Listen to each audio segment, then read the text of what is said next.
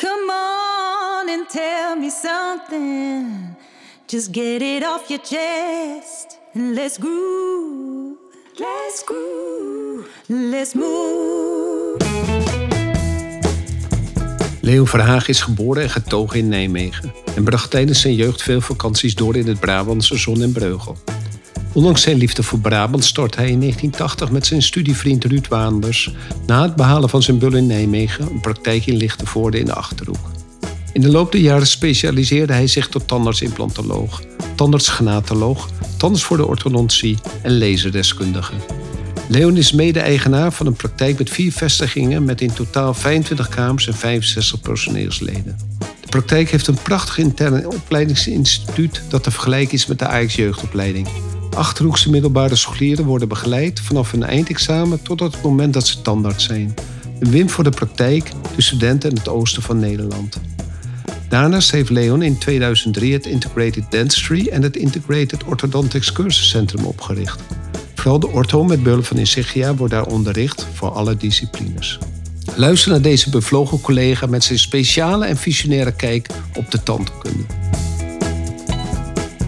De Tandarts, Vrijheid en Meesterschap podcast. De podcast vol wijsheid, tips en tricks over communicatie, teambuilding, leiderschap en het marketen van goede tandheelkunde. En bovenal jouw opstap tot financiële vrijheid en jouw succes. Welkom bij de Tandarts, Vrijheid en Meesterschap podcast. Sinds ik van de snelweg af ben, rijd ik vanaf Doetinchem op de N19 naar rechtse streep door naar Winterswijk. Ik ben op weg naar familie. Al rijdend overdenk ik het gezeur met de Amsterdamse gemeenteambtenaren. Ik krijg geen toestemming om mijn praktijk uit te breiden naar het buurpand. Een padstelling. De nieuwslezer op de radio vertelt mij dat het zondag 13 september 2005 is, twee uur s middags. Er is nieuws over de ontvoering van miljonairsdochter Claudia Melchior, die bij ons achter in de straat woont. Ik moet direct aan de kinderen en mijn vrouw denken.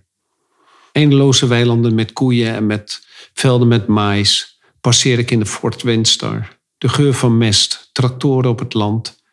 De laatste snede van het jaar wordt geoogst. Het is goed hooi weer, zonnig en een briesje.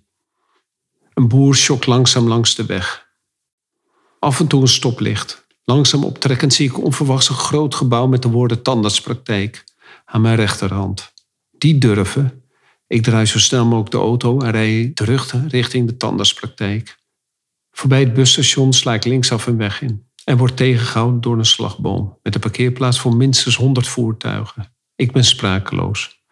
Een groot logo met een V en een W. Verhagen en Waanders standaardsen. Wat ziet dat gebouw er mooi en gaaf uit. Een gigantische praktijk met een hectare grond eromheen. Mijn droom staat hier gewoon. Ik vloek binnensmonds. Het stemt mij ook wel weer vrolijk. Overal zijn kansen, vooral in de achterhoek. Mijn gepeins wordt verstoord door het hitje van normaal. Rennen of stilstaan, uw kop voor de muur slaan of ervoor gaan. Come on and tell me something. Just get it off your chest let's groove. Let's groove. Let's move. Leon, ik nodig eh, mensen uit voor een interview die, op mij, eh, die belangrijk zijn geweest voor mijn carrière. En waarom ben je nou belangrijk geweest voor mijn carrière? Ik had familie wonen in Winterswijk. En ik ging naar Winterswijk toe en toen zag ik dit gebouw. Het zal 2005, 2006 geweest zijn. En ik dacht bij mezelf, wauw, tandheelkunde. En dit hier, wij als Amsterdammers denken natuurlijk dat het allemaal in Amsterdam gebeurt. En ik denk, die vent moet lef hebben om het hier in die boerengemeenschap te doen. Want je hoorde altijd, uh, Amsterdammers die geven heel veel geld uit aan tandheelkunde en die boeren niet. Dat hoorde je al, hè? er was een, uh, rond de 400, 500 euro zag je per patiënt in Amsterdam. En in Rotterdam was het 150 en in Den Haag wat meer. Maar hier in het oosten was het nog veel minder. Althans, dat was mijn gedachte. Dus op de terugweg uh, reed ik hier langs. Ik denk, ik ga toch even kijken. En ik was in ongelooflijk een gevecht met de gemeente bezig. Om maar grond of uh, woningen te krijgen. Waar ik een tandartspraktijk mee van kon maken. Dus ik reed hier naartoe. En ik denk, een parkeerplaats met een slagboom. Deze man heeft het voor elkaar. Dat wil ik ook. een parkeerplaats met een slagboom. En uh, zo heb je natuurlijk overal uh, punten uh, aan de horizon. En voor mij ben je dus het ultieme. De slagboom. Een, de slagboom. En ik dacht, als, dan heb je het gered. Als je dus zo'n mooi groot gebouw neer kan zetten. En dat je een slagboom nodig hebt om de patiënten buiten te houden. Ik denk, en dat is, dat is, je bent heel belangrijk voor mij dus geweest. En uh, je, uh, het heeft me altijd wel voor, ogen gehouden, voor mijn ogen gehouden als ik dacht van, uh, als het zo moeizaam ging met de gemeente, dat ik dacht van, ik kan nog altijd ergens anders een parkeerplaats of een, een, een, gebouw neerzetten met een slagboom. Mm -hmm. Dus vandaar. De, ja, deze mooi. droom, hoe, hoe ben je hiertoe gekomen, Leon? Ja, dat is best wel een lang verhaal. Het begint natuurlijk allemaal op de faculteit. Um, ik uh, zat met uh, Ruud Waanders aan dezelfde techniekbank. En uh, toen ik de tandheelkundige faculteit binnenkwam, toen dacht ik van, nou, het is maar de vraag of ik hier ga volhouden. Was het Nijmegen? Was in Nijmegen. Niet omdat Nijmegen zo slecht was, maar ik, toen ik al die mensen zag rondlopen, die sloten niet direct aan bij mijn gevoel. En, um, kan je dat omschrijven? Wat is precies nou, ja, ik, ik ben in Nijmegen opgegroeid en uh, middelbare school gegaan. En ja, misschien is het dom dan om in Nijmegen naar de faculteit toe te gaan. Maar ik vond uh, dat het nogal een rechtsgevoel had. Ik zag daar veel uh, collega's lopen met grijze broek en een blauw jasje, was dat toen nog. En dan voelde ik me niet helemaal meteen thuis. En en ik denk van, nou, er zijn er twee mogelijkheden. Of ik ga knetteruit werken om hier zo snel mogelijk weer weg te zijn. Of ik ga het niet redden. En uh, dus zaten we dus aan de techniekbank. En dan, uh, ja, dat is dan een kleine clubje waar je contact mee legt. En tegenover me zat Ruud Waan. En gaandeweg die, die route in de opleiding blijf je bij VNW, blijf je bij elkaar, aan elkaar geklonken. En dus we hebben samen een, een afstudeerscriptie geschreven. Wat is VNW? VMW, Verhagen en Waanders. Oh, oké, okay, goed. Ja, dus ook Volkswagen. Daar ja. hadden we later nog wel wat problemen mee met ons logo. Maar uh, we hadden een beetje dezelfde gedachten over de toekomst. En ik wilde die toekomst eigenlijk in Brabant graag voortzetten, omdat daar mijn roots lagen. En uh, Ruud die wilde graag naar, naar Twente. Toen hebben we een passer gepakt. En uh, we hebben gezegd, nou, dit is mijn bovengrens. En mijn bovengrens lag ongeveer bij Groenlo. En zijn ondergrens lag uh, bij, uh, bij Duiven. En toen zijn we in zijn lelijke eend zijn we rondgereden en allerlei praktijken bezocht. En toen kwamen we hier Lichtenvoorde. Welk jaar is dat? Dat was in 1980. En toen kwamen we Lichtenvoorde. En in Lichtenvoorde, dat vond ik al wel heel erg noordelijk. Daar was een praktijk te koop en daar zat een tandarts uh, die uh, toen vond ik heel aardig op leeftijd was. Nu denk ik er intussen anders over. En die, uh, die wilde zijn praktijk verkopen. En zei, nou dat is misschien wel een aardige locatie om samen te starten. En daarnaast was er Lichtenvoorde, uh, was er een heel bloeiende volleybalvereniging. Okay. En overal waar uh, volleybalverenigingen zijn in Nederland, dat zijn eigenlijk wel heel gezellige mensen. En dat zijn mensen met een enorme samenhorigheid. Dus ik dacht van nou, ik kan hier ik kan niet gaan volleyballen. Uh, de gemeenschap moet wel aardig zijn. En uh, dat is ook zo gebleken. Dus uh, dat heeft me eigenlijk ehm, nooit teleurgesteld. Die gemeenschap waar ik in opgenomen ben. dus dat je daar goed nestelt. dat je daar ook je thuis gaat voelen. Dat had ik eigenlijk nooit gedacht dat ik buiten Brabant nog een locatie zou kunnen vinden waar ik me thuis zou kunnen voelen. En dat is allebei. hij ook, Ruud ook. Dus hij heeft zich hier ook prima gevestigd. En we ehm, hebben geen van beiden ooit het idee gehad dat hij of noordelijker of ik zuidelijker zou moeten. Dus en zo zijn we hier begonnen in Lichtenvoorde. En je zei net van ja, het is Amsterdam. Maar volgens mij hadden we juist hier de mogelijkheid. En in Amsterdam veel minder, want er zaten hier weinig tandartsen. Ja, er zaten genoeg tandartsen, maar we dachten dat we zelf beter waren. Ja, dat denk je dan als jong aan storm en talent misschien. Ja, natuurlijk. Dat hoort ook. Hè? Ja, ja. Dus dat is, de, ja, dat is de, de, de weg naar Lichtenvoorde. Ja. En zo ben je dus de wijs uit het oosten geworden. Nou, dat moest dan nog later wel blijken, of dat de wijs uit het oosten was. Maar inderdaad, we gebruiken die term met regelmaat, ja. ja. En um, hoe, hoe ben je zo gekomen om tandarts te worden? Uh, is, hebben veel mensen in de familie die tandarts zijn? Helemaal geen. Ja, nu mijn dochter, maar voor de rest helemaal geen tandarts. Wij komen eigenlijk uit een, eh, een boerenfamilie van mijn ouders. We waren van beide kanten uh, boer. En uh, dat was de eerste generatie die geen, uh, geen boer meer werd. Mijn vader werd geen boer meer, mijn moeder ook niet.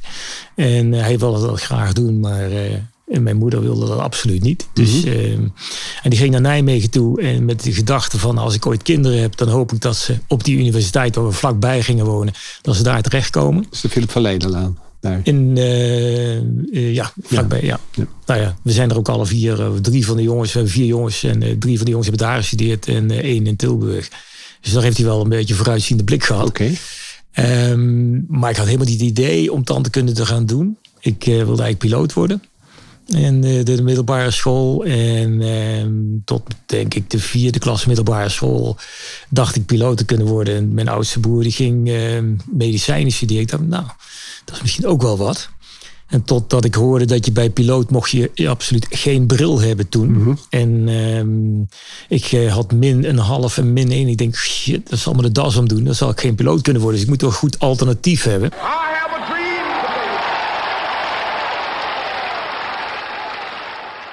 Ik wilde geen dingen doen die hij al deed. Dus ik denk, nou, misschien die tante kunnen. Die combinatie van eh, toch medisch met, eh, met iets eh, ondernemends, iets technisch. Dat, dat sprak me wel aan. Dus dat was een hele goede tweede. En later bleek het dus de eerste te worden. Ja. En meteen ingelood? Meteen ingelood, ja. Ja, direct kunnen starten. Geen militaire dienstplicht hoeven te vervullen. Dat is een heel ander verhaal. Daar hoeven we niet op in te gaan. Maar ik, was, eh, ik, ik kon daar vrij van zijn. Eh, ondanks eh, beide broers die boven me zaten, die ook niet hoefden. Dus van vier jongens heeft niemand militaire dienst Oké. gegaan. Dat is heel bijzonder natuurlijk. Dus ik ook niet. Ik kon meteen beginnen. Oké, en toen, toen ben je hier, als ik hier dus nu om me heen kijk, dan staat hier een prachtig gebouw. Ik denk voor de meeste eh, tandartsen, die zullen denken van jeetje, hoe kan je dit managen? Maar dit is niet je enige eh, praktijk hè, waar je dus eigenaar van bent. Je, je- want je bent met een eh, aantal mensen in de maatschap.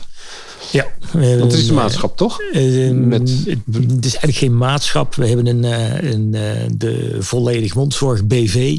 En daar wordt men aande- aandeelhouder van. Ja, ja, eh, dus we zijn intussen ja, met meerdere aandeelhouders. En eh, het is eigenlijk maar één, één praktijk met vier vestigingen. Zo, moet je zien. Het zijn niet vier onafhankelijke praktijken. Alles loopt door elkaar heen. Er zijn, eh, zijn vier vestigingen. Ehm, en daarmee eh, bestrijken we zeg maar, het oosten van de Achterhoek. Ja. En die vier vestigingen, zijn die allemaal eh, zo groot? Want dit zijn hier acht kamers of tien kamers? Dit zijn tien kamers in Lichtenvoorde. Eh, in Aalten, eh, de andere vestiging, daar zijn vier kamers. Groenlo vier kamers. En in Winterswijk wordt het zeven kamers. Zeven kamers. En in Winterswijk zijn jullie nu in de opbouwfase. Daar zijn we aan het opbouwen. Ja, daar zijn we nu aan het eh, verbouwen. En dat gaat in eh, oktober open. En geen problemen met de gemeente. Nee, daar beginnen we natuurlijk mee. Hè. Vooraf proberen te voorkomen. Ja. En eh, ook daar een volledige medewerking. Ehm, het, was een, eh, het was een huisartsenpost. Dus de medische bestemming zat er al op. En eh er was eigenlijk helemaal geen probleem om daar richting tandartspraktijk te gaan. We beginnen weliswaar eh, vanaf nul daar. Maar ik denk dat dat helemaal geen belemmering hoeft te zijn. Met hetgeen wat we nu al gedaan hebben. Ja, waar, waar, eh, hoeveel mensen, hoeveel man personeel heb je? En hoeveel, eh, vier aandeelhouders? We zitten nu eh, met mij erbij vijf aandeelhouders intussen. En we hebben... Ja, dat is altijd moeilijk, want het wisselt altijd een, een beetje. Er komen er meer bij. Ik denk dat we 65 eh, personeelsleden hebben nu. Ja. Maar dat, eh, dus er zijn ook veel fulltimers bij jullie. Ja, Ja, dat is wel een ongelooflijk voordeel natuurlijk. ja. eh, we willen niet helemaal naar fulltime. De maximum voor de medewerkers is eh, 32 uur. Ja. Anders kunnen ze niet meer overwerken. En eh, dat, dat is waar we- natuurlijk, vinden we ja. een belangrijk iets. Men moet eh, in kunnen vallen voor een collega. Want iedereen heeft vakantie in een jaar. Ja. Iedereen heeft vrije dagen. En dan moet er dus iemand anders klaarstaan. En eh, dat is de reden waarom dat we gezegd hebben... niemand gaat boven de 32 uur komen. Want dan kun je invallen. En uiteindelijk betekent dat mensen die meer willen werken... ook altijd meer kunnen werken. Dus Ja. die komen uiteindelijk toch op die 38, 40 uur uit. Ja, slim. En, en kan je iets vertellen over het... want het is natuurlijk een, altijd een heet hangijzer hè, van de, de tandartsen. Als ze boven de 55 zijn, dan moeten ze op een gegeven moment met pensioen. En dan eh, is het pensioen er vaak eerder dan eh, dat, dat zij gedacht hebben. Want ze zijn niet meer, hè, de praktijk is niet meer stijgend, maar in een neergaande lijn. Hè. Dus dan eh, hebben ze niet meer de, de, eigenlijk de mogelijkheden om een mooie praktijk te verkopen. Omdat de praktijk eigenlijk al over zijn, hè, zijn hoogtepunt heen is. Dus het is altijd wel, eh, zeker als de leeftijdsverschillen groot zijn, dan is het altijd moeilijk. Dan wil de ouderen eerder verkopen, bijvoorbeeld aan een keten. En de jongeren die willen nog verder gaan. Hè? En jullie hebben daar een heel speciale manier eh, bedacht om mensen in te laten stromen en een onderdeel te, en zich in te laten kopen. Daar ben ik heel benieuwd naar hoe jullie dat nou gedaan hebben. Ja, als je niets meer hebt om na te streven, ja, dan moet je eigenlijk met vak ophouden. En ehm, de enige die over pensioen praat is mijn vrouw. Um, en ja, ik, als ik over pensioen denk, dan, dan griezelt het een beetje. En dan denk ik, oh, daar moet ik eigenlijk helemaal nog niet aan denken. Mhm. Dus ik wil eigenlijk nog altijd nog wel voort. En zolang er nog nieuwe dingen zijn, dan, eh, dan is dat leuk. En je kunt uh, alleen maar nieuwe dingen ontwikkelen als je dat met anderen kunt delen. Dus en daar begon het eigenlijk van, hoe ga ik nou in de Achterhoek, waar ik zelf met moeite gekomen ben, mm um, hoe ga ik daar mensen krijgen die in de toekomst die toko kunnen voortzetten? Nou, dat hebben we eerst gedaan door uh, bij de Radboud Universiteit uh, als stageplek uh, ons aan te melden. En te kijken van hoeveel van die geweldige stagiaires die dan bij ons stage liepen, we voor ons token konden winnen. Ja. Dat bleek niet zo'n succes te zijn, want die mensen zijn toch verknocht aan hun eigen regio waar ze vandaan komen. Dus nou, dan moet ik het anders aan gaan pakken en op lange termijn gaan denken. Dus we zijn naar de middelbare school gegaan. En die middelbare school hebben we spreekbeurten gehouden over hoe leuk tandheelkunde eigenlijk kan zijn. En uh, dat het veel meer is dan wat iedereen uh, misschien denkt. En daar uh, die mensen enthousiast gemaakt om een dag mee te lopen. Dat was dan zo'n meeloopdag die ze op de middelbare school krijgen. En als we de meeloopdag mee hadden gelopen, we dachten, nou, dat zijn aardige, aardige mensen. Uh, daar, die, daar zien we wat in voor de toekomst. Dan hebben we aangeboden van nou, ga tante kunnen studeren. En als je dat in Nijmegen doet, dan kun je daar bij ons in huis komen wonen. Mhm. En die mensen die kwamen dan in, uh, in Nijmegen in huis wonen. En die uh, ging vanaf dag één ook meelopen in de praktijk. Dus die uh, werd eerst assistent, of assistente de meeste. Maar dat waren allemaal mensen van de, allemaal hier uit de, middelbare school hier uit, uh, ja. uit Lichtenvoorde? Uit Lichtenvoorde en de omliggende kerkdorpen. Ja. dus echt een regio Achterhoek. Maar met een poten hier in de Achterhoek? Echt hier genesteld, opgegroeid. Ja. En waarvan die ook uitgesproken hadden, we wilden ook hier graag de toekomst uh, uh, doorbrengen. En, um, je screenen die mensen dus die bij zo'n open dag waren ze geïnteresseerd. En dan kregen ze een sollicitatiegesprek om op de op, om op eigenlijk alle stadia, net zoals de Ajax-school, van de pupillen af, dus de, de, de, de, alle stadia te doorlopen totdat ze prof zijn. Ja, min of meer wel. Want op het moment dat ze dan die, die opleiding gaan doen, wisten we van wel een beetje hoe dat die social roots waren hier in de Achterhoek. Eh, hoe sterk dat ze met de Achterhoek verbonden waren. Nou, als ze dat dan zijn en graag ook hier een toekomst willen doorbrengen, ja, dan waren ze natuurlijk goede kandidaten voor ons. En um, ja, vanaf die, uh, die, die leerschool die ze zelf doorlopen door eerst assistenten te zijn. En dan preventieassistenten te zijn. En dan het mondhygiënistenwerk uh, te gaan doen. En vervolgens het tandenkundewerk. Dan doorlopen ze in heel onze praktijk. Ze worden één met de groep, met het team. Want ze zijn collega van die assistenten. En ze zijn collega van die, uh, van die mondhygiënisten. Ze staan niet boven de groep. Ze staan er midden tussenin. En dat is ook een beetje onze, onze organisatie. Het is een platte organisatie. Um, zonder dat er iemand boven staat. En uh, dat merk je ook. Dat op het moment dat ze tandarts worden. Dan verandert er niets. Uh, ze blijven nog diezelfde persoon. Ze hebben alleen een titel en ze doen ander werk. Maar voor de teamgenoten blijven ze dezelfde persoon. En dat is leuk. Maar de studenten uh, in Nijmegen die dan hier lopen, hè, of de, mm -hmm. de, mensen van hier die op, uh, in Nijmegen studeren, hè, van wat ja. is het E1, die hebben dan natuurlijk een ongelooflijke voorsprong op hun medestudenten. Ik denk het wel, want ze zien natuurlijk heel veel van de praktijk. Ze, ze doen zelf al het een en ander. Hand, haar, hun handvaardigheid is al een stuk groter. Maar vooral doordat je dingen ziet. Ik weet van mijn eigen studie dat je gewoon uh, heel veel dingen moest je allemaal gaan ontdekken. En uh, je had het nog nooit gezien. Je wist niet hoe vulling gelegd werd. Uh, en dat hebben ze hier allemaal al gezien. Dus um, dat zijn natuurlijk heel veel voordelen die ze al hebben. En dat, dat voordeel gaat daarna door. Als ze dan hier eenmaal komen als standaard zijnde, dan worden ze in principe eerst een ZZP'er. En ze hebben een jaar de kans, zeker gezien de wetgeving nu, om als ZZP'er te kunnen functioneren. En daarna dan moeten ze of weg of aandeelhouder worden. Dus geen uh, mogelijkheid tot loondienst?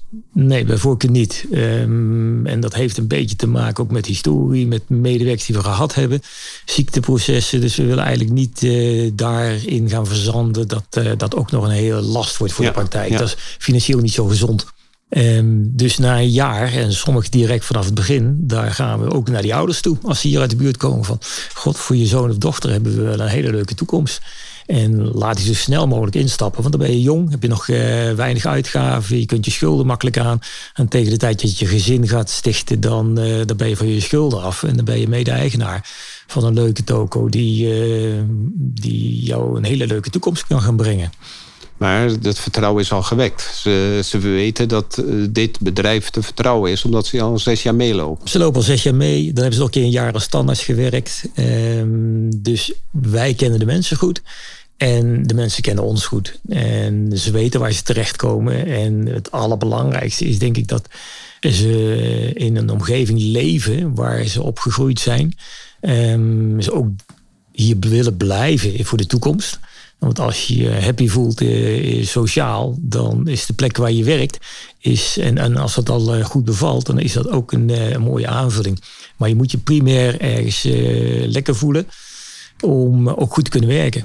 En uh, ja, mensen die uit de Achterhoek komen, die uh, weten de Achterhoek op waarde te schatten. Ja. En uh, dit, ik, eh, dit, dit, dit voelt als een legacy, als een erfenis. Wat je gewoon wat je aan de buurt, uh, de, de achterhoek schenkt. Maar ook aan de tandheelkunde natuurlijk. Je zorgt ook voor dat de tandheelkunde op een hoog niveau gehandhaafd blijft hier. En dat het dus ook lijkt dat het. Ja, dat, dat men hier in deze omgeving niet bang hoeft te zijn dat er een tandartsdip komt.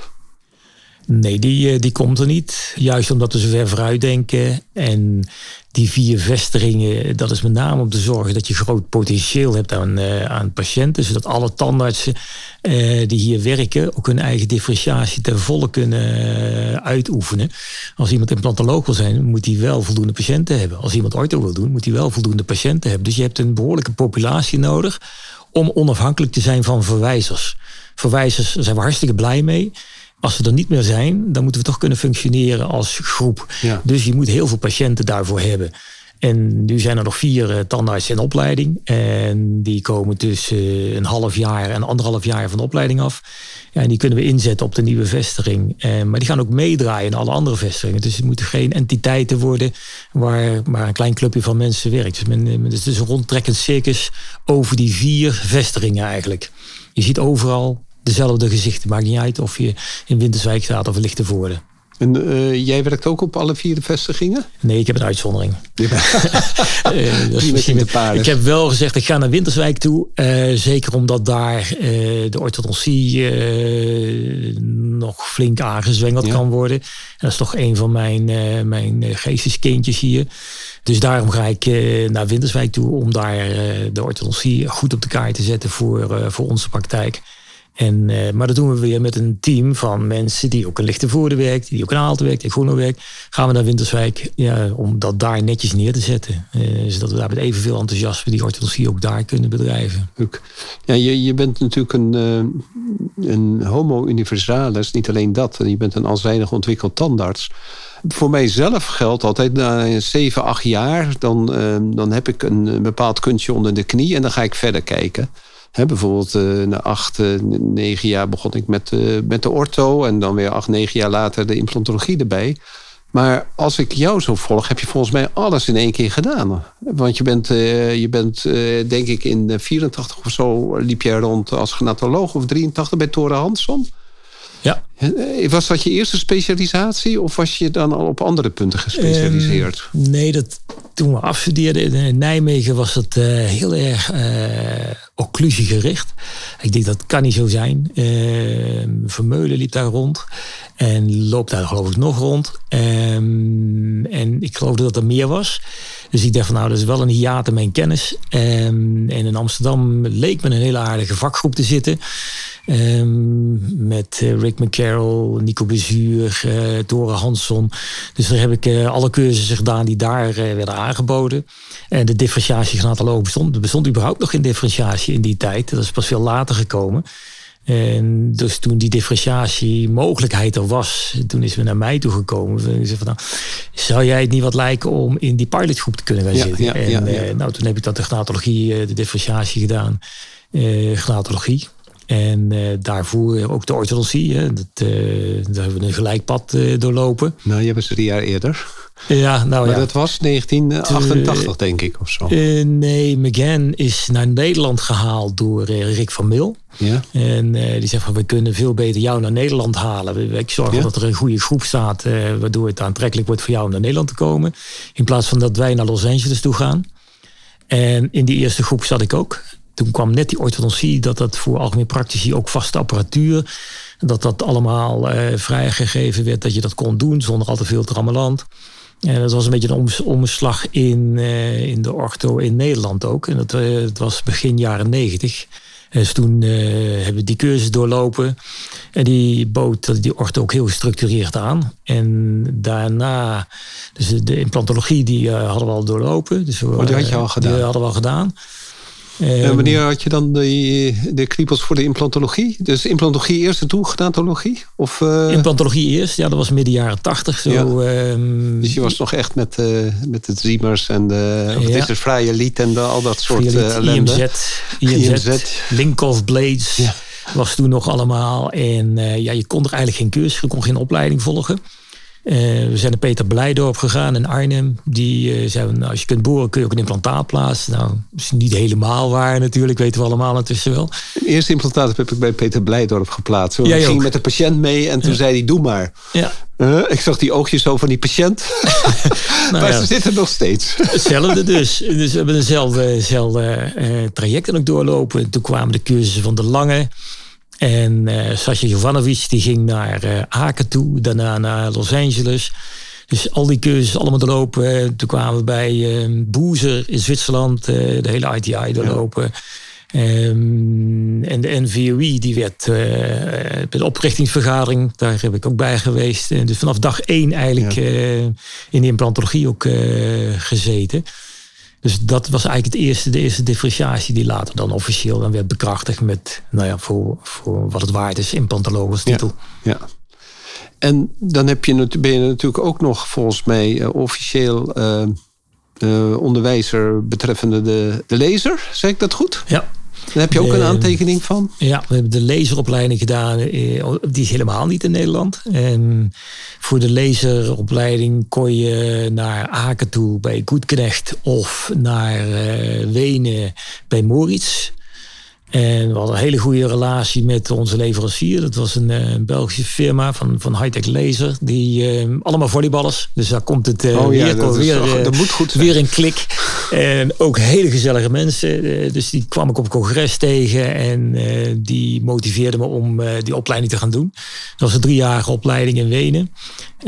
waarbij je dus in en uit vloog. Hoe vaak was het dan? Want het een paar keer per jaar. Echt waar? ja, een week. Wauw. Uh, ja. En, uh, Drie jaar? Ja. ja uh, maar goed, dat heeft me ook heel veel gebracht. sowieso de, de, de, connecties die je opdoet. De, de mm -hmm. internationale contacten die ja. je opdoet. horen van hoe dat iedereen bepaalde problemen aanpakt. Dat, dat, ja, dat inspireert je. Ja. En daar kun je zoveel van leren. Dus dat maakt het gewoon heel erg leuk om, om opleiding te, te doen. en ja, dat, dat zou ik ook iedereen aanraden. Als je afstudeert, moet je meteen weer iets nieuws gaan starten. Ja. Je weet nog maar niks. Je weet helemaal niks. En het, uh, ik snap even dat je even warm moet draaien. Maar ik denk dat het uh, als standaard. En ik denk dat jullie dat daarom ook fantastisch doen dat je die differentiaties hebt. Ik denk dat je voor als gewoon tandarts, je hebt geen differentiatie, dan kan je gewoon gemist worden. Die, die onzin van ik ben esthetisch standaards. Dat uh, zorgt dat je iets goed kan. He, dat je onmisbaar bent in de praktijk. Ja, nee, dat, dat klopt ook. Ja, dat, ik, ik, ik weet niet of differentiatie. Ik heb daar uh, aan de andere kant. Ik, ik heb wel differentiaties op mijn naam staan. Ik denk dat ook de grote handicap wordt van de tandheelkunde. En ik geloof echt heilig in dat de grootste differentiatie de tandarts moet zijn met de grote overview. Het integrated uh, mm -hmm. dentistry, wat we hier ook propageren. Ja, dat moet eigenlijk het absolute, de absolute differentiatie zijn. Want je moet alles uh, kunnen overzien en van alles wel kennis hebben. Of je dan wel of niet uitvoert, dat is vers 2. Maar je moet, het wel, je moet wel goede kennis hebben. Dat je niet in kokerkijker gaat vervallen. En dat, dat, snel, uh, dat vind ik een heel groot risico van al die differentiaties die er zijn. Je noemt esthetische tandheelkunde. Nou, ik, ik ken volgens mij geen enkele tandarts die propageert niet esthetisch te werken. dat bedoel ik. ja, dus als iedereen... iemand dus komt bij, op een sollicitatiegesprek bij mij en die zegt... Uh, ja, uh, ik zeg, waar, waar gaat je belangstelling uit? Ja, naar de esthetische stand te kunnen. Dan denk ik, oh, oh. Ja, dat, maar dat is standaard. Je moet standaard mooi werk leveren. En iets anders bestaat er volgens mij niet. Het is gewoon je kernproduct. Ja. Dat is, uh, daar praat je niet over. Dat is gewoon zo. Ja, helemaal waar. Ja. Dus dat is hartstikke apart. Hey, um, je favoriete levensquote, Leon? Je zal er wel een aantal hebben, denk ik. Ja. Ik heb de afgelopen jaren, ik heb de cursus bij jou van inzicht. Ja, ik heb toch wel wat uh, quotes gehoord van je. Ja, dan zou je ze bij zelf kunnen reproduceren. hè. Uh, dan zei ze, de cursist die zei van, god, kun je het niet in een boekje op gaan schrijven, al die quotes. Ik, ah, maar ik vergeet ze ook allemaal zo snel weer. Net zoals jouw Chinese collega, Taiwanese collega, die dat rode boekje heeft gemaakt met zijn levensquotes van uh, zichzelf en van anderen. Ja, Kus Cheng, ja, Die, die, die doet dat ook. En het is ook een geweldig mooie kerel om, om naar te luisteren. Um, maar misschien wel het belangrijkste is dat als je iets wil, dan kun je het. Dat is denk ik het, eh, de, de rode draad, eh, zowel privé als, als, als uh, zakelijk, als standaard. Ik denk dat dat het allerbelangrijkste is, want de rest is secundair daaraan. Um, als je iets wil, dan kun je het. Ja, Pipi Langkous. Toch? Ja. Die zei dat toch, zoiets? Ik, nou heb ik niet zo heel veel naar gekeken naar Pipi Langkous. Ik neem het direct van je aan. Ik weet, ik weet niet of ik het kan, maar ik kan het. Zoiets is het. Ja, nou, dan is het. Ja, ik weet, eh, ik weet zeker dat ik het kan. Ja. Want ik wil het. Ja. Ja. Dat, ja, dat is eh, volgens mij is het ook eh, eigenlijk wel altijd wel uitgekomen. Um, wat, welk boek ligt op je nachtkastje? Ja, op dit moment um, is dat van, uh, van Jos Burgers. Uh, ik heb ze allemaal gelezen. De laatste is uh, Wacht niet op de wind, ga roeien. Oké. En um, dat is ook helemaal waar. En, en, en dit, dat gaat dan specifiek over de coronatijd. Um, ja, Jos die kon natuurlijk ook geen lezingen meer geven. Dus je zag een stukje van zijn, uh, van zijn inkomsten zag hij verdampen. En je dacht, ja, ik moet er wat anders gaan verzinnen. Toen is hij dat boekje gaan schrijven. En uh, wij hebben in het altijd precies hetzelfde gedaan. Die corona hebben we eigenlijk omgekeerd tot iets nieuws tot virtuele tandkunde. Uh, Leer andere dingen ontdekken. En leer eens te gaan kijken hoe kun je die tandkunde ook anders uh, gaan uh, uitoefenen. En we hebben dus heel veel veranderd in onze praktijkvoering. Um, ook op cursusgebied. en dat was zeker als corona er niet was geweest, had dat niet zo snel zo'n vogelvlucht genomen. Ja. Het kon niet anders, hè? Het moest. Het moest, ja, maar je moet van de, ja, van de nood een deugd maken dan. Hè? En dat, uh, dat hebben we ook gedaan. En uh, dat kost wel wat tijd, moet ik zeggen. Ik ben dan de 60 gepasseerd. En dan moet je je jonge collega, waarvan je denkt dat ze geweldig digitaal ontwikkeld zijn. En heel erg vooruitstrevend zijn, moet je motiveren om mee te gaan. Ja. En van de andere kant kun je denken, nou Misschien moet die oude gek dus eventjes uh, de teugels aantrekken. Want die heeft allemaal heel gek ideeën allemaal. Hè? Dat zou ook een gedachte kunnen zijn. Maar ik probeer ze allemaal nog enthousiast te maken om uh, mee te gaan uh, met nieuwe dingen. Ja, maar goed, jij ziet, jij ziet ook de kans, hè? Het, je kan het zien als een rimpeling die je tegenwerkt, als een storm. Maar het is natuurlijk een kans. En dat is jouw ondernemerschap. Je ziet overal kansen. Ja. En dat kan heel vermoeiend voor je omgeving zijn. Ja, een van de dingen, dat, dat zeg ik hier tegen, altijd tegen de collega. Het enige wat hier uh, stabiel is, is de verandering. Constant and never ending improvement. Ja, ja, we blijven doorgaan met veranderen. Niet om te veranderen, maar om te verbeteren. Ja. En als je verbeteren wil, dan zul je moeten veranderen.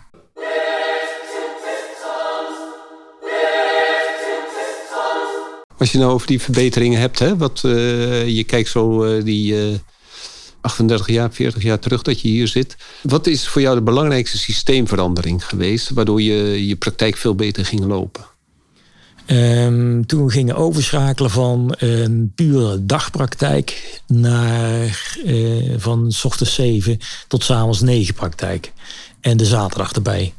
Achterhoekers zijn een heel ijverig volk. Uh, en als je van Ehm, van oost naar west rijdt. Uh, s ochtends vroeg, als je dan een cursus ging uh, bezoeken, dan uh, zag je allerlei aannemers naar het westen toe trekken. En die waren allemaal heel actief daar. Dus dat betekent ook dat die heel vroeg al bij de tandarts geweest moesten zijn. Dus toen wij onze praktijk al gingen openen om zeven, dat was een uurtje vroeger. Maar s'avonds doorgingen van zes in één keer tot negen, kon iedereen bij ons terecht.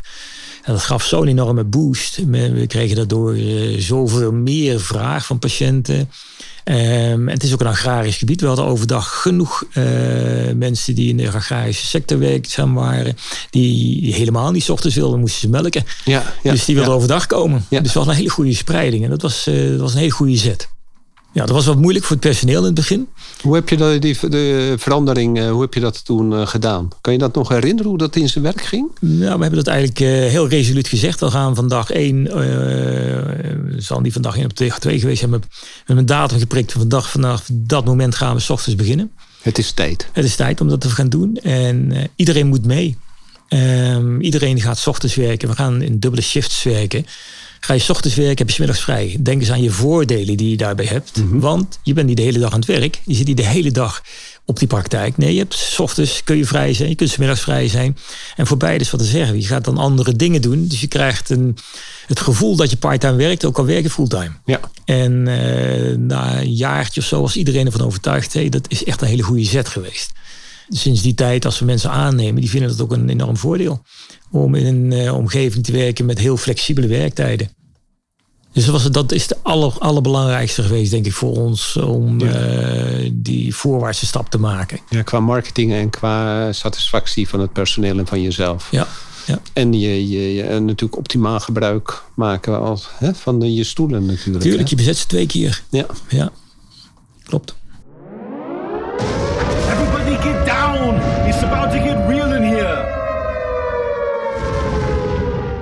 Wat is je grootste struggle geweest in je praktijk en wat je of misschien nu in zit en wat je overwonnen hebt? Nou, um, toen, uh, toen we gingen samenwerken um, en mijn collega en ik, uh, was het heel ongewoon dat, uh, dat mensen twee tandartsen gingen samenwerken. Alle praktijken waren solisten in die, in die dagen en dat mensen zingen, gingen samenwerken was heel bijzonder. Er waren een paar collega's verder in het jaar die dat ook deden. En mijn vader zei, nou, dat moet je niet doen. Daar krijg je alleen maar last mee. Um, dat toch gedaan. En uh, we hebben dankzij elkaar ook dit neer kunnen zetten. Um, maar op een gegeven moment, uh, kijk, je, je praktijk wordt groter. En dan krijg je een moment um, met adviseurs die zeggen: Nou, je moet het. Uh, we, waren, hebben vanaf het begin aan gezegd: we willen twee onafhankelijke praktijken. Uh, financieel 100% gescheiden. Laten we nooit, in één gebouw. In één gebouw. Dus laten we nooit gedonder ja. krijgen over geld. Ja. Dat heb ik nooit gehad. Dat op de dag van vandaag. We hebben nooit gedonder gehad over geld. Uh, dat is nooit een issue geweest.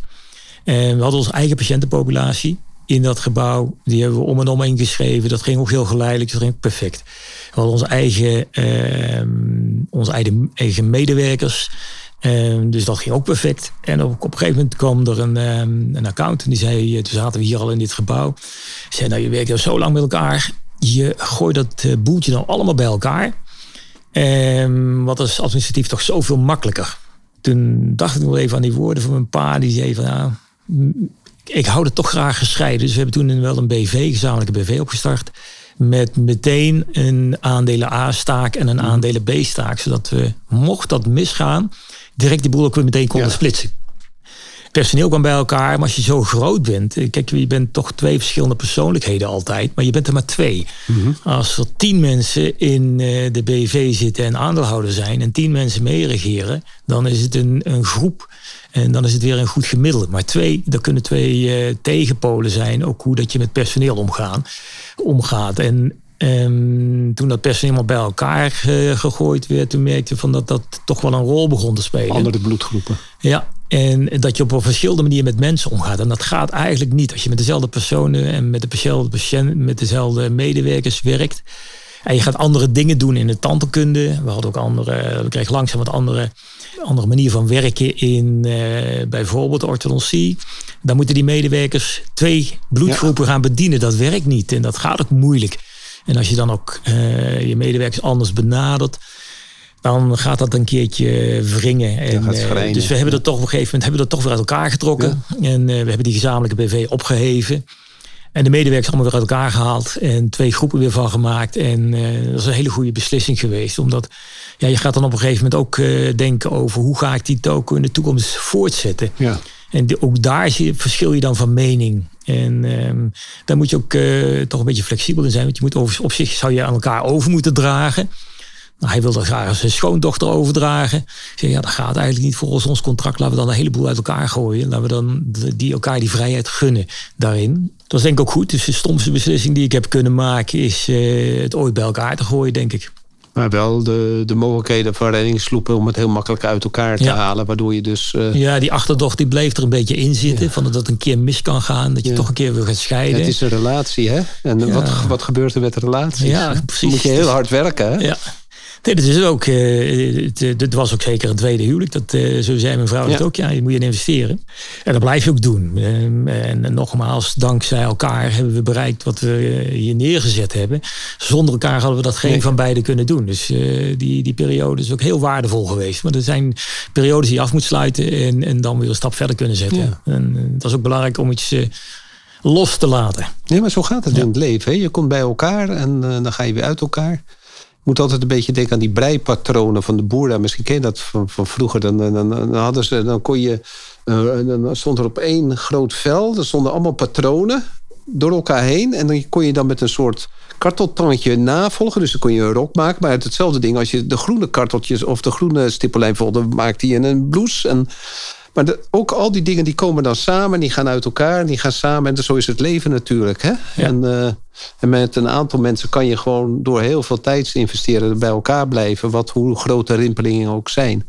En uh, ja, soms. Uh, maar jullie, ja, je bent samen en soms ben je niet samen. En zo gaat het verder. En dat als je elkaar maar in waarde laat. Als je nu zo denkt, hè, van de, die, je hebt nu toch wel verschillende praktijkmogelijkheden besproken. Als, als uh, twee goede vrienden die in Amsterdam zitten, wat zou je hun nu adviseren van als ze samen praktijk zouden beginnen? Of twee goede vriendinnen tegenwoordig? Ja, um, je moet een heel goed uh, praktijkplan neerleggen. Waar je allebei tandheelkundig goed in kunt vinden. want dat is natuurlijk wel de, basis waarop je moet gaan samenwerken. je moet op dezelfde manier over tandheelkunde denken. Uh, want als je daar verschillend over nadenkt, dan, dan gaat het vanaf dag één denk ik al, uh, al fout. Dus die, uh, die overeenkomst moet je zeker hebben. Um, ten tweede moet je denk ik financieel de boel helemaal onafhankelijk van elkaar houden. zoveel mogelijk um, um, je eigen plan trekken financieel, zonder dat de andere daar invloed op kan hebben. Uh, dus daar helemaal onafhankelijk in zijn. Wel de profijten daarvan trekken. Dat je gezamenlijk kunt investeren in dingen die je anders niet, misschien niet zo makkelijk kunt aanschaffen. Dus uh, de baten, uh, die, of de voordelen die je daarbij hebt als je met z'n tweeën werkt, is, die zijn wel heel overduidelijk. maar zorg dat je onafhankelijk van elkaar blijft. Ehm, zorg dat je, als je met z'n tweeën bent, zorg dat je er vlug wat mensen bij krijgt. Twee is maar twee. En twee... Bedoel je echt als uh, mensen die zich inkopen? Of bedoel je gewoon medewerkers? Nee, ik denk echt uh, inkoop. Uh, mijn filosofie en, en, en mijn mede-aandeelhouders die zijn daar gelukkig allemaal in meegegaan. Is ook misschien wel de schade schande wijs geworden nu is dat ik uh, erin geloof dat als iemand uh, mede-aandeelhouder is, dat dit ook een stukje van zijn toko wordt en een stukje van zijn kindje wordt. En, um, en ik geloof uh, zeker voor dat je dan uh, harder gaat werken. Niet fysiek harder gaat werken, maar meer gemotiveerd bent, meer mee wil denken over veranderingen. En hoe meer mensen gaan meedenken, um, des te minder excessen er komen. Um, want iedereen heeft zijn eigen visie. En mhm. als je met vier, vijf al in, een, uh, in zo'n onderneming zit, dan moet je het met vijf eens zijn om een beslissing uh, te kunnen nemen. En als je met z'n tweeën bent, kun je een padstelling krijgen. En als de een nee zegt en de ander ja is, dan kun je dus niet verder. Maar ben je niet bang voor een Poolse landdag met vijf? Nee, dat denk ik niet. Um, we hebben gezegd, um, in die vijf moet je met 70% van de stemmen moet je het eens zijn. Dus als je een goed idee hebt, moet je, gewoon, dan moet je een goede pitch uh, presenteren. En dan moet je zeggen van, omdat het een goed idee is. En dan moet je je collega weten overtuigen van het goede idee. En als het geen goed idee is, is het maar heel goed dat het niet doorgaat. En heb jij, uh, uh, want ik ken mezelf een beetje en ik ken de, de gemiddelde collega in Nederland. Ehm, komt het vaak voor dat er mensen naar jou toe pitchen? Ja, want kijk, iedereen die heeft ideeën. hè. Dat hoop ik altijd. eh, want dat maakt het wel leuk. En als je geen idee hebt, is het alleen maar goed dat er nog mensen in die groep zitten die wel ideeën hebben. Maar dan heb je ook mensen ehm, die de boel kunnen bewaken. En ehm, dat, iedereen moet een bepaalde rol hebben in een team. Ehm, en je kunt niet allemaal mensen hebben zoals ik. Ik ben dan een plant eh, in het teamrollenconcept. En die heeft heel veel ideeën. En eh, het grote nadeel van zo'n plant is dat hij ze niet uitwerkt. Dus je hebt ook mensen nodig die, die, die het heel leuk vinden om tot een detail alles uit te gaan werken. Nou, als ik iets moet gaan uitwerken, heb ik alweer een nieuw idee. Dan kom ik Ja, alleen maar aan het ja, uitwerken ja. toe. Dus stel je voor dat je vijf mensen hebt die alleen maar ideeën hebben. Dan wordt het natuurlijk één grote puinhoop. Hè? Dus je hebt mensen nodig die, die anders denken in zo'n groep. En hoe meer dat er zijn, des te de groter de kans is dat je allemaal een andere rol kunt vervullen. Dus dan ga je elkaar aanvullen in zo'n team. En dat merk ik ook heel duidelijk. Er zijn mensen in ons team die in onze eh, eh, aandeelhoudersgroep die wat voorzichtiger zijn. En die heel goed alles willen doordenken. Voordat ze tot een- beslissing overgaan. En er zijn mensen die, die zeggen: nee, we gaan het doen. We gaan mee. Eh, worden heel enthousiast. Ehm, dus eh, dat maakt het leuk. Dat je je ei kwijt kunt. Maar als iemand met een goed voorstel komt. Dan zeggen we tegen alle collega's: hey, heb je een goed voorstel? Wil je een ander vulmateriaal? Laat eerst zien dat het beter is. Kom met de evidence. Hè, want we willen evidence-based werken, zoveel mogelijk. En als het er is, gaan we vandaag over. Ja. En eh, dat doen we met alles. Dus we willen, heb je een goed idee? En weet je ons te overtuigen, dan doen we het morgen anders. Oké, dus die twee vriendinnen zijn hier helemaal uitgekomen. En dan? Dan, eh, wat is de volgende stap? Moeten ze dan, een, eh, moeten ze dan naar de KNMT-site? Wat zou je ze adviseren? Of zou gewoon met een eh, kijken ergens een lapje grond kopen... of een oude praktijk overnemen of een nieuwe praktijk overnemen? Wat, wat zou je die beginnende collega's die natuurlijk niet die snelheid hebben... wat zou je die adviseren? Kijk, die, ik denk dat die beginnende collega's, die starten anders tegenwoordig. Die starten alles om eens te gaan meedraaien in een praktijk. Die gaan, eh, die gaan hun snelheid opbouwen. En op een gegeven moment komen ze tot de conclusie... nou ga ik iets voor mezelf doen, die twee. Dus die hebben natuurlijk al wat vaardigheden opgebouwd. Die hebben ook al wat ideeën gekregen. En dan hebben ze ook eh, ze elkaar gevonden in van... hé, we hebben wel dezelfde ideeën. Laten we zelf nou eens met z'n tweeën iets nieuws op gaan zetten. En dan denk ik dat je vooral lef moet hebben. Ik bedoel... ehm, Op wat voor gebied? op alle gebieden. Op alle gebieden. Je moet eh on the edge durven gaan. En dat betekent eh, zowel financieel als standaardkundig. Ehm, ik denk dat je groot moet denken, anders wordt het nooit groots. Ehm, Ik denk dat je eh, moet durven investeren. Want je hebt nog zo'n enorme horizon. Je bent nog zo jong. En eh, dat je de 70 bereikt hebt. Moet je wel heel gek lopen. Dan moet je wel hele rare boksprongen maken. Wil je dat dan financieel niet kunnen redden. Het komt altijd goed in de tandheelkunde. Nou, je moet er wel wat voor doen. Ja. Je komt je echt niet aanwaaien. Maar ik denk, uh, als je klein begint, dan word je nooit groot. Niet dat iedereen groot moet worden, maar het, um, als je die behoefte hebt en je, je, je, wil groot in de zin van um, dat je met meerdere collega's wil werken, die in de collegiale verhoudingen in de praktijk kunt uh, waarderen, iedereen een eigen discipline heeft, dan moet je wel groot, want anders heb je niet voldoende patiënten. Mm -hmm. En dan moet je gewoon durven investeren. En durven investeren in kennis, maar durven investeren in, uh, in, in geld, in je praktijk. En zou je dan met een uh, praktijk beginnen die, uh, uh, die mogelijkheid heeft tot vijf à zeven kamers? En dan met één of twee beginnen? Of zou je zeggen van begin heel klein en dan elke om de zoveel jaar uitbreiden? Ja, we hebben dat zelf wel op die manier gedaan. Um, terugkijken, er kwamen elke keer wat kamers bij. Ik weet niet hoe vaak dat we wel niet verbouwd hebben. Um, dus daar word je ook wel bedreven in. Dat is, dat is een, een soort rijdende trein waar je instapt, dat je steeds groter wordt. Dat was nog niet meteen helemaal een vooropgezet plan. Maar als ik nu dat advies zou moeten geven, dan is het van denk groot. Zet het meteen meer neer, eh, zodat je de mogelijkheid hebt om uit te breiden. Zet niet meteen al die stoelen er neer, maar maak het mogelijk dat je in dat pand kunt uitbreiden. En zorg dat je ruimte hebt, heel veel ruimte, want dan kom je altijd tekort. Ja. Ik, ik ben het helemaal met je eens. Ik zou echt met uh, ruimte voor 6 à 10 uh, kamers beginnen. En op 1 en 2 goed inrichten.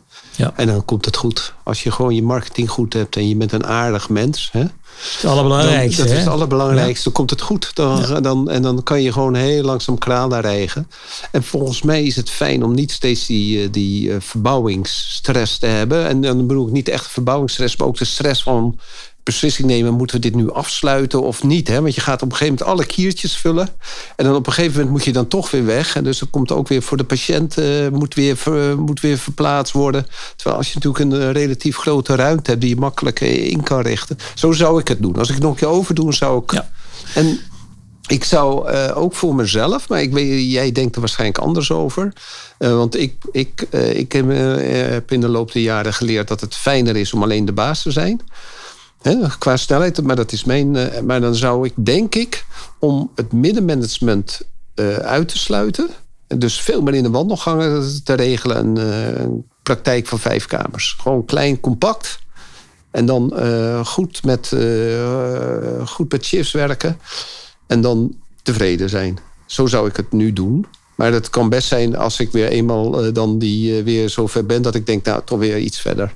Maar dat, dat, ik, zou dat, ik zou dat als eerste stap adviseren aan collega's die beginnen. Mm -hmm. Ja, ik denk dat het vooral ook te maken heeft met wat je zelf hebt ervaren hè, in, de afgelopen jaren. En, en, en het hangt natuurlijk ook heel sterk af van de werkzaamheden die je doet. Wat heb je aan ruimte nodig? We vinden de preventie vinden we heel erg belangrijk. Dus die preventie, uh, daar heb je veel kamers voor nodig. daar heb je veel kamers voor nodig. Dus één tandarts die werkt standaard met minimaal drie, vier ja. uh, preventieassistenten ja. om zich heen. Um, dus daar heb je, al, heb je al ruimte nodig. En, maar als je vijf kamers hebt die een dubbele shift al bedient, dan ben je al aardig groot hoor. Dus dan ben je niet meer klein. Nee. Uh, dan werk je feit op tien kamers als je van acht tot vijf werkt. En die dubbele shifts, daar ga je winst bij halen, omdat je nog niet iedereen in Nederland doet dat. Dus dat, is, dat maakt jou een unique selling point ja. hebben. Dus ik denk dat die stap veel beter is. Dat je inderdaad, dat je zegt vijf kamers starten. Dan gaan we naar vijf, uh, die gaan we dubbel bezetten. Ja. Maar in datzelfde gebouw een optie voor nog vijf kamers. Dan, uh, dan heb je denk ik heel goed voor elkaar. Maar niet twee kamers. Niet één nee, kamer. niet twee kamers. Nee, ook niet één kamer. Dat, is, maar dat is dus het probleem van de, de, de Anders die nu met pensioen gaat, niemand wil die twee kamers meer hebben. Hè? Uh, heel goed. Heel goed. Ik uh, zou ook niemand willen aanraden om, om dat te gaan doen. Ah, raak je geïsoleerd. Een, een solist kan tegenwoordig niet meer uh, functioneren, denk ik. Nee. nee. Het is, het is een teamsport geworden, die tandheelkunde. Uh, waarbij als je heel goed delegeert, dat is ook een kunst. Het loslaten van, van, van dingen waarvan je denkt dat je zelf heel goed in bent. Om dat anderen te laten doen. Ja, en dat probeer je zo goed mogelijk in te richten. Um, maar als je dat eenmaal ziet dat dat heel goed werkt en je hebt dat getoetst dat dat prima werkt, dan, uh, ja, dan werkt het uh, voor iedereen heel erg fijn. Ja. Voor je assistenten, voor jouzelf. Iedereen raakt meer gemotiveerd omdat ze meer verantwoording Ja. krijgen. En hoe meer verantwoording, uh, des te meer commitment naar je praktijk toe. Ja, want hoe, heb jij, uh, hoe hebben jullie dat uh, uh, geregeld? Want je hebt natuurlijk vier praktijken, maar zelfs al in een praktijk zoals dit met tien kamers. Als je dat gewoon al als stand-alone zou moeten handelen, dan heb je al een heel goed middenkader nodig. Hoe, hoe, hoe hebben jullie dat geregeld tussen de werkvloer en, de, en het management? Of hebben jullie die middenlaag niet? Um, nee, ik ik in het begin zei ik al van we hebben een, een wat plattere organisatie. Um, wat we heel erg belangrijk vinden is scholing. Dus we hebben daar, uh, dat hebben we helemaal apart ingericht, dat uh, iedereen continu geschoold wordt. Dat vinden we heel erg belangrijk. Dus dat iedereen het, het, gevoel heeft dat aandacht aan hen geschonken wordt. Dat ze elk jaar bijleren, dat elk jaar weer wat nieuws is. Die verandering waar ik het over had. Um, we hebben een praktijkmanager.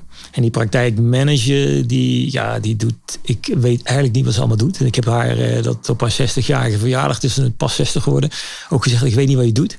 Maar je doet het hartstikke goed. En um, uh, we zijn blij dat we jou uh, daarbij hebben. Want het moet een duizendpoot zijn die vanuit de aandeelhouders doorkrijgt van oké, dit zijn onze ideeën.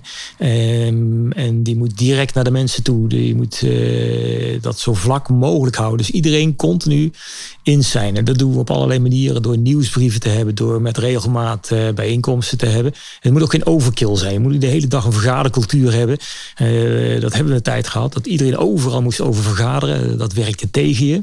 Dat hebben we teruggebracht naar een aantal efficiënte vergaderingen per jaar. Uh, maar de bloedgroepen, de preventie, de paro, de orthodontie, de implantologie, et cetera, die komen wat vaker bij elkaar. Ja. En die tandartsen, die komen één keer in de twee maanden bij elkaar. Ehm, en, en dat blijkt heel goed te werken. Dat, eh, dat eigenlijk het overleg, we hebben elke week hebben we een overleg eh, Met? met de aandeelhouders. Ja. Ehm, en dan komt de praktijkmanager met alle lopende zaken, waar ze tegenaan loopt die week. En iedereen kan punten inbrengen in de eh, agenda. Ehm, dat gebeurt in die loop van die week. En dan eh, worden alle zaken besproken. Datgene wat eh, langer nodig heeft, wordt voortgeschoven. Of wordt een rode lijn voor een periode.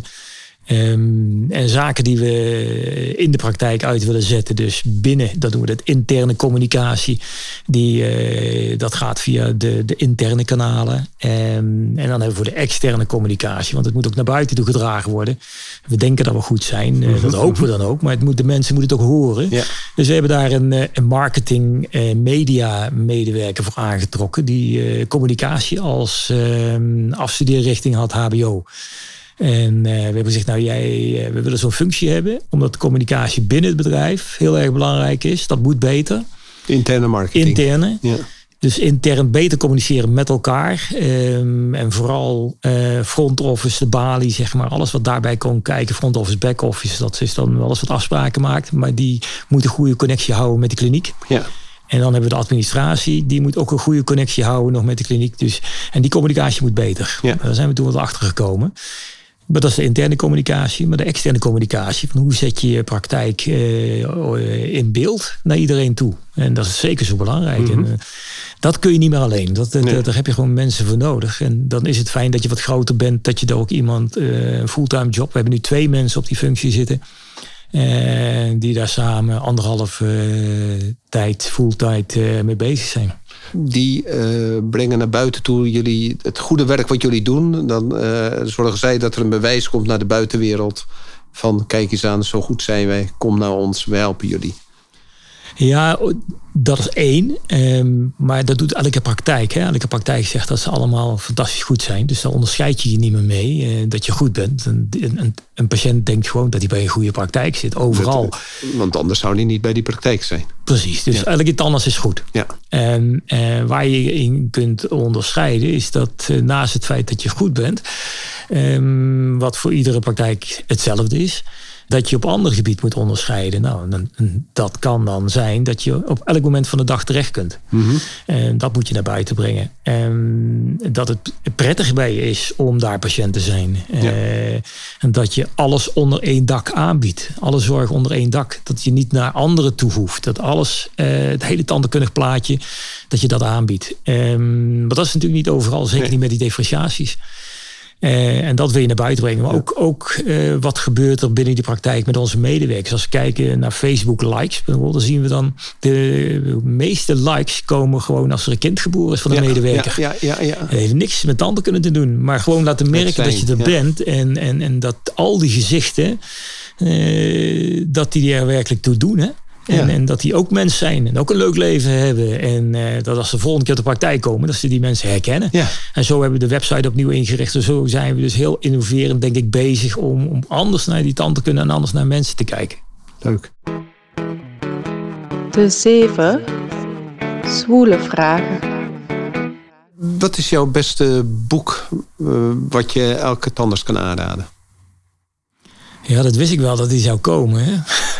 Ehm, Heb je zelf een boek geschreven? Ja, maar het gaat weer over orthodontie. Dat is, eh, dat is geen boek, hè? Ehm, nou, ik, ik denk dat er twee zijn eigenlijk die heel erg eh, belangrijk zijn. Die elkaar misschien wel aanvullen. Als je heel veel ideeën hebt, dan moet je dat ook organiseren.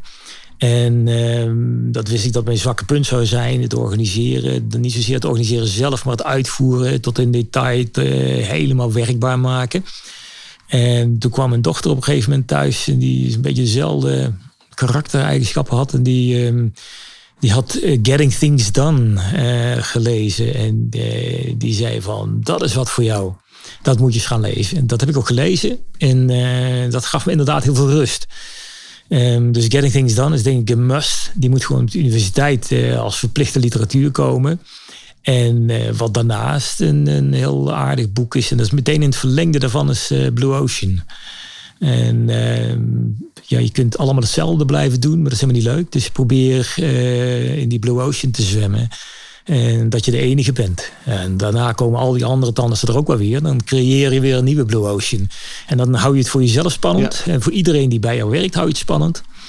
En dan wil iedereen wel met je meezwemmen. Leuk. Ja. Je beste cursus? Gevolgd of? nou, de- jouw beste cursus die je gaat geven, die komt nog. Oké. Eh, ehm, de beste cursus die ik gevolgd heb. Ik denk eh, dat dat de opleiding voor eh gnatoloog geweest is. Omdat ik in die fase, toen was ik een beetje zo 12 jaar tandarts. Toen dacht ik dat ik eh, overal het beste in was. Eh, en dat is, eh, en, en, ja, ja, dan is het heel moeilijk om met je omgeving om te gaan, met je collega tandartsen. Ehm, dit was veel meer competitief dan dat het denk ik nu is. En Michel Steens was mijn opleider in, in Utrecht. En die heeft me enorm leren relativeren. Hè? En de collega leren omarmen. En dan kun je daar een voorbeeld van geven. Ehm, nou, als het, ehm, je moest, eh, we moesten daar heel veel brieven schrijven naar alle verwijzers die natuurlijk op het eh, UMC eh, binnenkwamen. En eh, die brieven gingen dan over die gnatologiepatiënten, die pijnpatiënten. Maar op een foto kwam je ook wel dingen tegen. Denk je, jee, dat hij dat toch niet gezien heeft. en, granulomen en dat dat helemaal niets met granaten te doen had, maar puur tandkundige klachten. En hoe ga je dat dan tactisch, hoe ga je dat tactisch inkleden? Dat je zo'n eh, collega niet schoffeert, maar dat je hem er wel op wijst dat dat ook wel een reden kan zijn eh, voor pijn. Ehm, en dat je dat heel, heel op een fijngevoelige manier doet. En daar was ik voor die tijd helemaal niet zo'n ster in. En eh, Michel heeft me laten zien dat je daar op een hele andere manier in kunt staan. Dat, eh, je kunt die signaleren. Eh, en dan tegelijkertijd zeggen dat ze het ongetwijfeld gezien hebben. Eh, maar dat je op het terrein van de gnatologie verder geen, ehm, geen afwijking hebt gezien. En dat je graag wil dat hij verder gaat met het tandkundige problematiek. Ja. En Ja. eh, dan, dan respe- respecteer je een collega volledig. Je geeft toch aan dat er wat andere dingen Ja, zijn. Je zegt niet of je het wel of niet over het hoofd gezien hebt. Je volledig in het midden. Dat is ook niet belangrijk. Helemaal niet belangrijk. Want ik dacht dat het nog heel belangrijk was. God, daar moet ik wel even op wijzen. Maar ik hoef hem helemaal niet op te wijzen. Zijn eigen verantwoording. Dus daar heeft hij mee eh, in die drie jaar van die opleiding, eh, naast die Gnato, heeft hij daar echt eh, een, hele belangrijke rol in vervuld. En Je bent denk, een zachter collega daardoor veel geworden. meer, veel meer. Ja, ja, ja. Ik, ik ja, omarm eigenlijk iedereen in die zin. Ehm, als, ze- ja, als ze met me samen willen werken, dan ja, graag. Dan vind ik het heel leuk. Want ik, ik, ik ben echt niet zo. Want ik denk dat ik van niemand iets kan leren. Ik vind het helemaal ontzettend leuk om van anderen wat te leren. Hoe die iemand anders iets eh, heeft ingericht. Maak je podcast ook leuk natuurlijk eh, om ernaar te luisteren. Hoe heeft iemand dat nou gedaan? Ik wil niet zeggen dat jij het moet gaan doen. Maar je steekt van iedereen steek je weer wat op. Ja. Wie is jouw grootste inspirator geweest? Dat is, wel een, dat is best wel een lastig. Want het, Of toch David Allen van de, toch de dan, toch? Nee, dat is, dat is meer een, een, een structuur brengen in je leven. Maar ik denk dat toch, dat klinkt misschien heel saai. Ik denk dat het toch mijn vader is geweest. Ja, nou, Ja.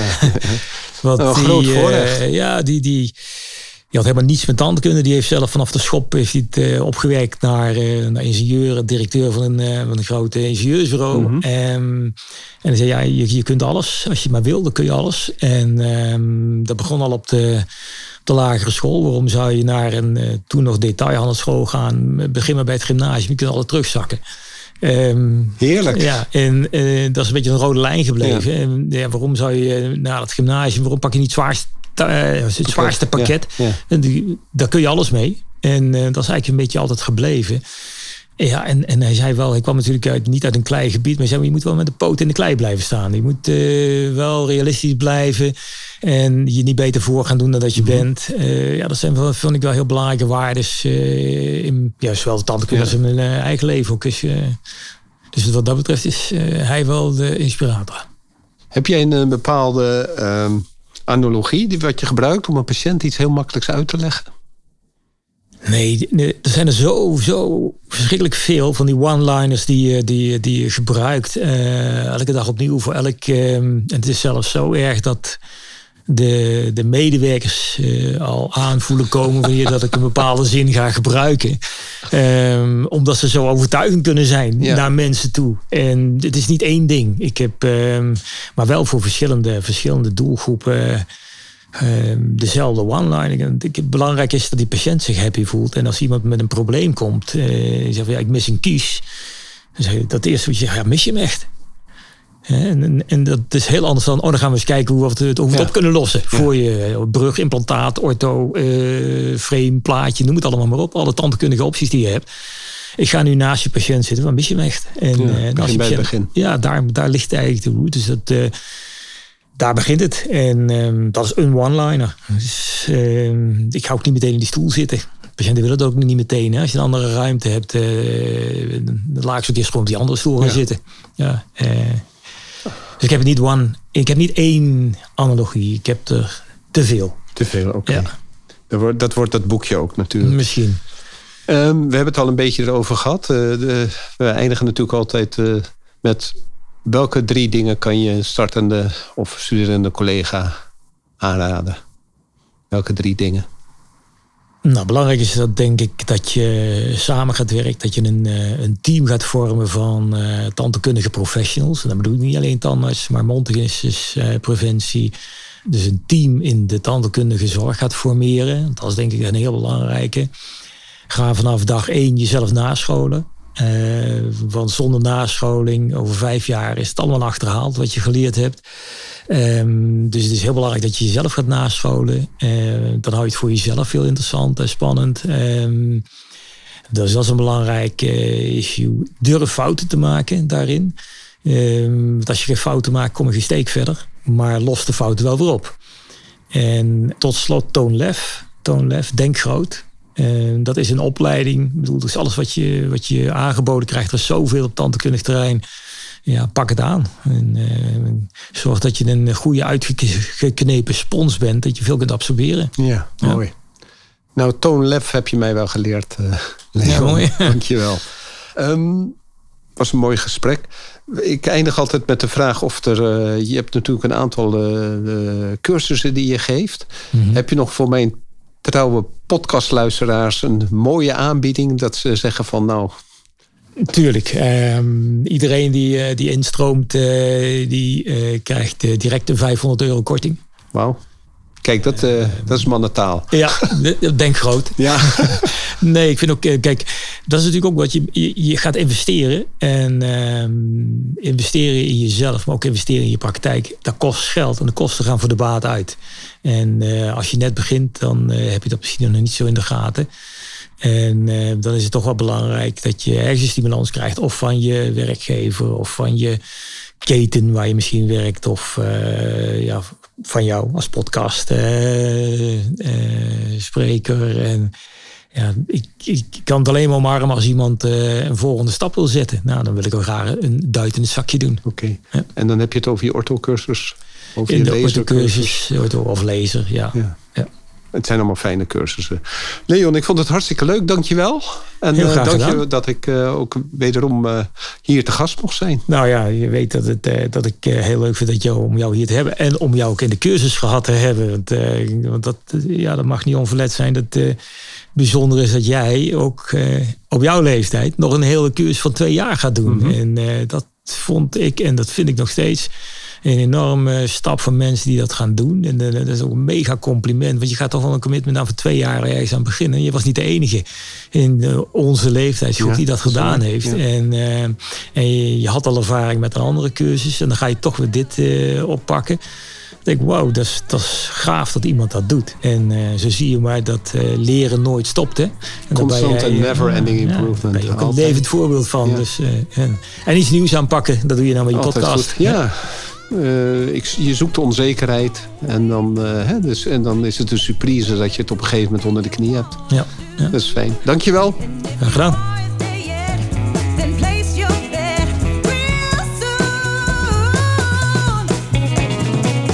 Super dat je weer luistert naar een aflevering van de Tandartsvrijheid en Meesterschap podcast. Ik zou het zeer op prijs stellen als je een review achter zou laten. Je kunt je ook abonneren op deze podcast. Klik dan in de podcast-app op de button subscribe en je ontvangt automatisch een berichtje bij een nieuwe aflevering. Ken je iemand die deze podcast ook leuk zou vinden? Deel deze dan. Via Spotify kan je dat heel simpel door op de drie puntjes te klikken en te delen. Je kan mij ook bereiken via mijn LinkedIn-account. Ik ben te vinden onder mijn naam Ron Steenkis. Nogmaals, dankjewel en tot de volgende keer.